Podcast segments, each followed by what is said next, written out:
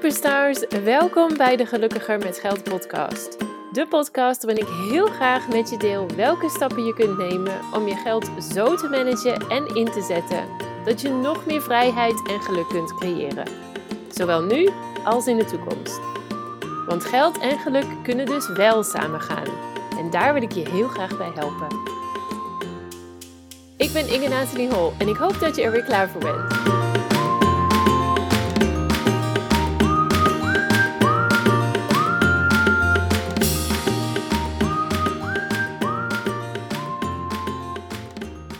Ja, goedemorgen. Welkom bij deze aflevering van de Gelukkiger met Geld podcast. Zoals je wederom hoort, hopelijk uh, niet al te veel wind. Maar ik ben deze op aan het nemen tijdens uh, de ochtendwandeling, het uitlaten van mijn hond. En um, ja, vandaag eigenlijk een, een beetje een combinatie van verschillende dingen. Uh, het is wel één onderwerp, maar er zitten verschillende dingen aan ja, verbonden eigenlijk.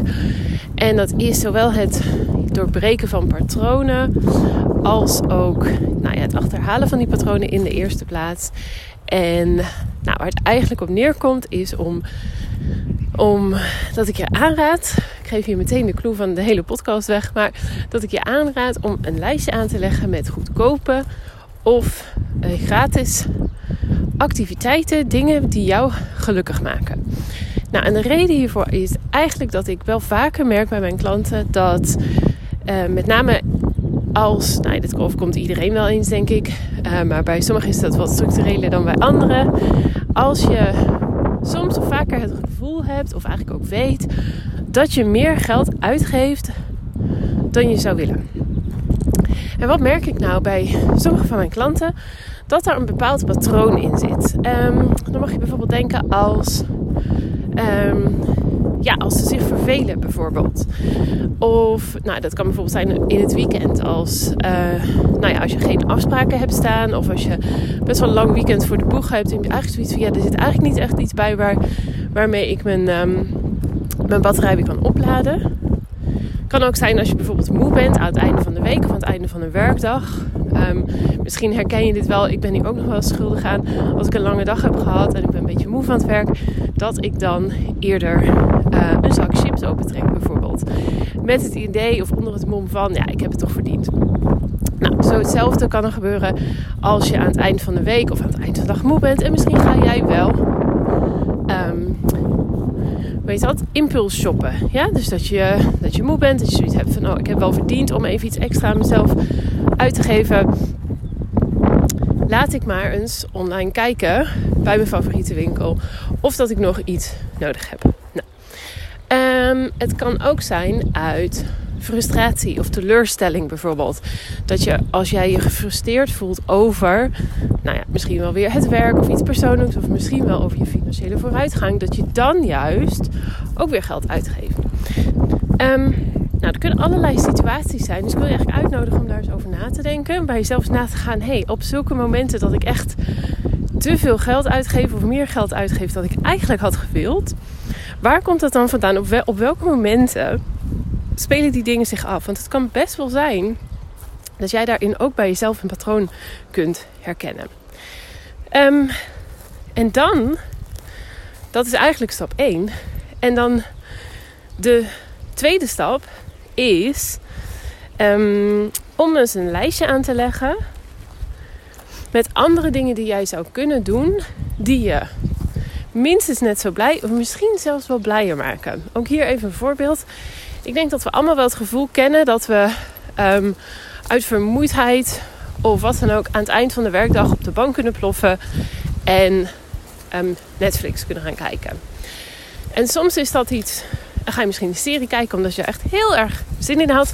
Maar soms is het ook meer uit gewoonte. Of omdat je denkt, nou, ik heb het toch verdiend. Net als wat ik net zei met dat geld uitgeven. Of het idee van, uh, um, ik ben moe. Op, zo, op deze manier ga ik even um, ja, mijn energie herstellen. Laten we het zo zeggen. Ik loop even langs dat blaffende honden. Nou, um, dus wat, wat ik je eigenlijk wil uit, waartoe ik je eigenlijk wil uitnodigen om daar eens over na te denken. En dan te denken, wat zijn dingen die ik um, anders kan doen?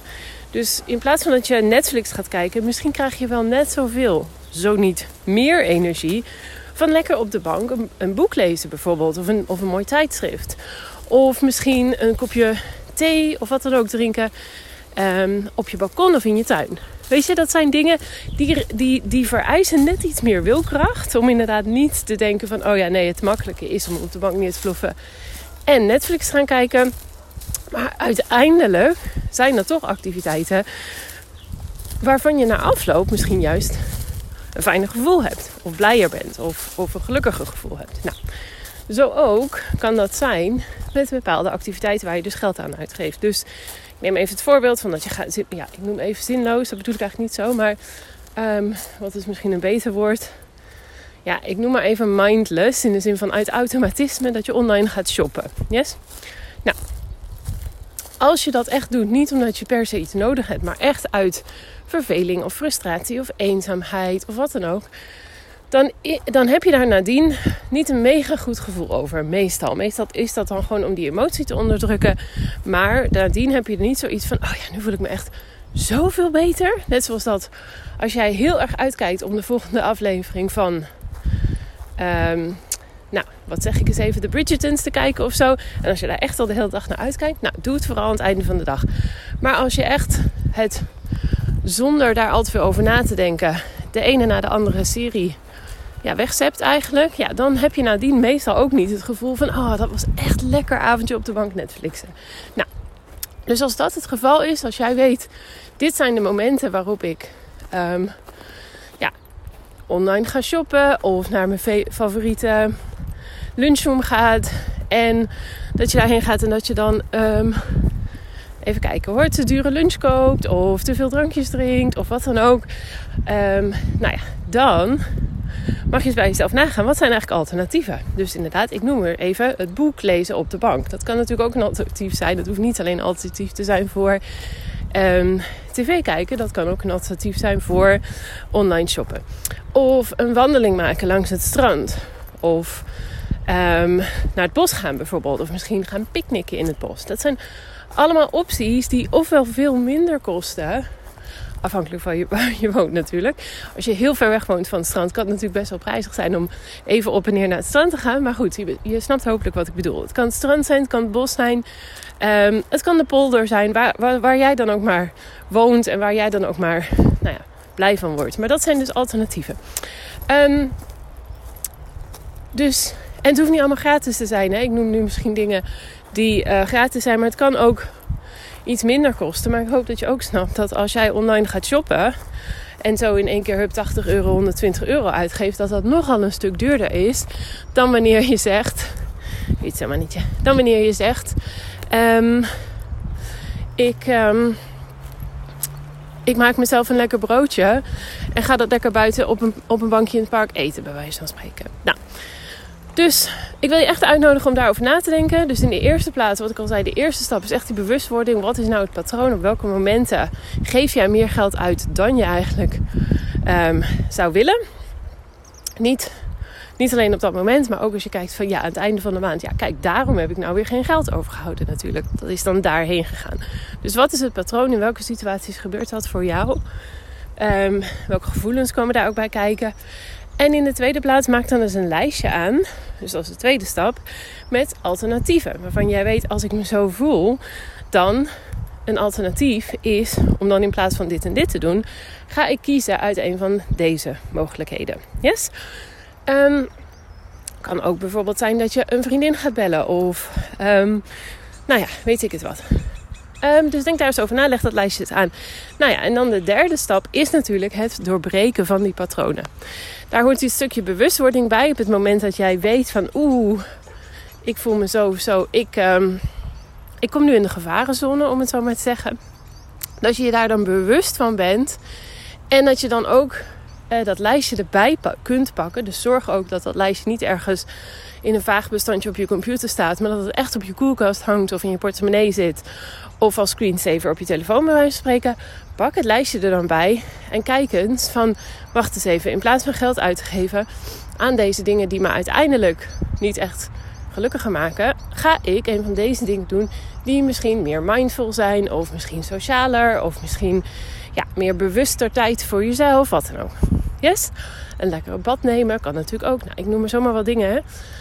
Ehm, dus, dus dat patroon doorbreken, dat is natuurlijk de lastigste, want daar moet je het echt gaan toepassen. Stap 1 en 2 ja, is meer um, het analyseren en het vooruitplannen. Maar in stap 3 moet je het dus echt gaan toepassen. En dat is natuurlijk de uitdaging. Wees ook lief naar jezelf, want je zal het niet meteen, zoals je waarschijnlijk wel zou weten, patronen zijn niet makkelijk om in één keer zomaar te doorbreken. Dus wees ook lief voor jezelf als je dat dan een keer toch weer um, ja, in je oude patroon vervalt, zeg maar. Maar probeer wel echt mee en mee dat, um, ja, daar bewust mee om te gaan. En op die manier te kijken waar jij veranderingen kunt doorvoeren. Zodat je aan het eind van de maand misschien net iets meer geld overhoudt. Om bewust iets leuks te gaan doen. Of om weg te zetten voor je vakantie. Of om te sparen. Of nou ja, wat dan ook eigenlijk. Yes, nou, die wilde ik vandaag met je delen. Ik hoop dat je wat aan had. Sowieso dankjewel voor het luisteren. Laat me weten wat voor jou ja, die patronen zijn of momenten of, of alternatieven die je gaat doen. lijkt me leuk als je dat uh, met me kunt delen. Je kunt me altijd vinden onder um, gelukkiger.met.geld op Instagram met name. En dan, uh, nou, dan ben ik volgende keer weer met een nieuwe aflevering. Dankjewel. Doei doei.